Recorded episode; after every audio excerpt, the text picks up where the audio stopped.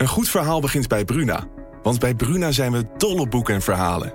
Verhalen zoals deze. Het nieuws reist je snel, zoals dat soort nieuws doet. Ik wist dat het ook over jou ging, zodra het eerste bericht uit Parijs kwam. Bijna zes jaar geleden nu. Op een vrijdag de dertiende. Een datum als een slechte grap. Jij was er ook, Flo. En op jouw profiel bleef het stil. Wil jij weten hoe dit afloopt? Je leest het in Luister van Sascha Bronwasser. Nu bij Bruna. Ik ben Jaap Briene van de Sublime Ochtendshow. Achter iedere plaat zit een verhaal. En die verhalen vertel ik je in mijn serie Hit Story. Deze keer vertel ik je het verhaal achter Englishman in New York van Sting. Sublime Ochtendshow. Hit Story. Verhalen achter de muziek.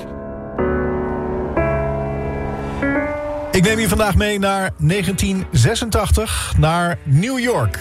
Sting woont hier sinds kort. Hij heeft net een paar maanden geleden zijn debuutalbum als solozanger uitgebracht. The Dream of the Blue Turtles. En hij zoekt inspiratie voor liedjes voor zijn volgende album. En deze dag, in 1986, belt hij aan bij het appartement van Quentin Crisp. Die Quentin is net vanuit Londen verhuisd naar Amerika. Woont sinds kort in Manhattan. En Sting is uitgenodigd om te eten om even bij te praten. Ze kennen elkaar. Twee jaar geleden hebben ze elkaar ontmoet op de set van The Bride. Dat is een horrorfilm waar Sting de hoofdrol speelt, Baron Frankenstein. En die wil dan een bruid creëren en tot leven wekken. En Quentin, die had dan een bijrol als een dokter die hem daarbij helpt. Maar ze kenden elkaar al veel langer. Dat wil zeggen, Sting kende Quentin al veel langer van naam... want hij is wel een bekende persoonlijkheid thuis in Engeland. Hij is schrijver en acteur en model... en vooral een icoon voor de homogemeenschap. Quentin Crisp heeft zich namelijk nooit geschaamd voor zijn seksuele voorkeur... zijn hele leven lang al niet...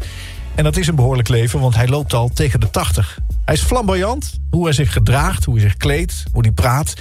En Sting vraagt hem tijdens dat etentje naar de verhalen uit zijn jeugd. En hij is gefascineerd en ook wel geschokt door wat hij hoort. Quentin vertelt hem hoe gevaarlijk het was om in Engeland op mannen te vallen... in de jaren 20 en 30 en daarna. In Engeland was homoseksualiteit nog strafbaar tot halverwege de jaren 60. En daarna mocht het wel, maar alleen als je 21 of ouder was. Maar die Quentin trok zich daar nooit wat van aan. Zoals hij aan Sting vertelt... loop over straat zoals je bent, zonder schaamte. Be yourself, no matter what they say. Sting is onder de indruk van Quentins moed... en besluit een lied over hem te schrijven... over deze Engelsman in New York. Het is moedig om onwetendheid te ondergaan... en toch te blijven lachen. It takes a man to suffer ignorance and smile. In de muziek van het nummer geeft Sting vooral New York de hoofdrol. De eclectische smeltkroes van culturen. Hij wil je het gevoel geven dat je daar over straat loopt... langs winkels en clubs. En dat je uit elke deur weer een ander soort muziek hoort. Het begint met reggae en uit de volgende deur klinkt klassieke muziek. En even verderop wordt het jazz. En dan rijdt er een auto voorbij met pompende hip-hop beats. Je hoort het allemaal terug in dat nummer. Maar het lied gaat ook over Sting zelf. Hij komt ook uit Engeland en woont nu voor een paar jaar in New York om wat afstand te nemen van zijn geboorteland. Om nieuwe muzikale vrienden te maken. Zoals Branford Marsalis, die sopraansaxofoon speelt op het nummer. Maar Sting blijft toch een verstokte Brit... die liever thee drinkt dan koffie... en die over Fifth Avenue loopt met zijn wandelstok. Een Englishman in New York.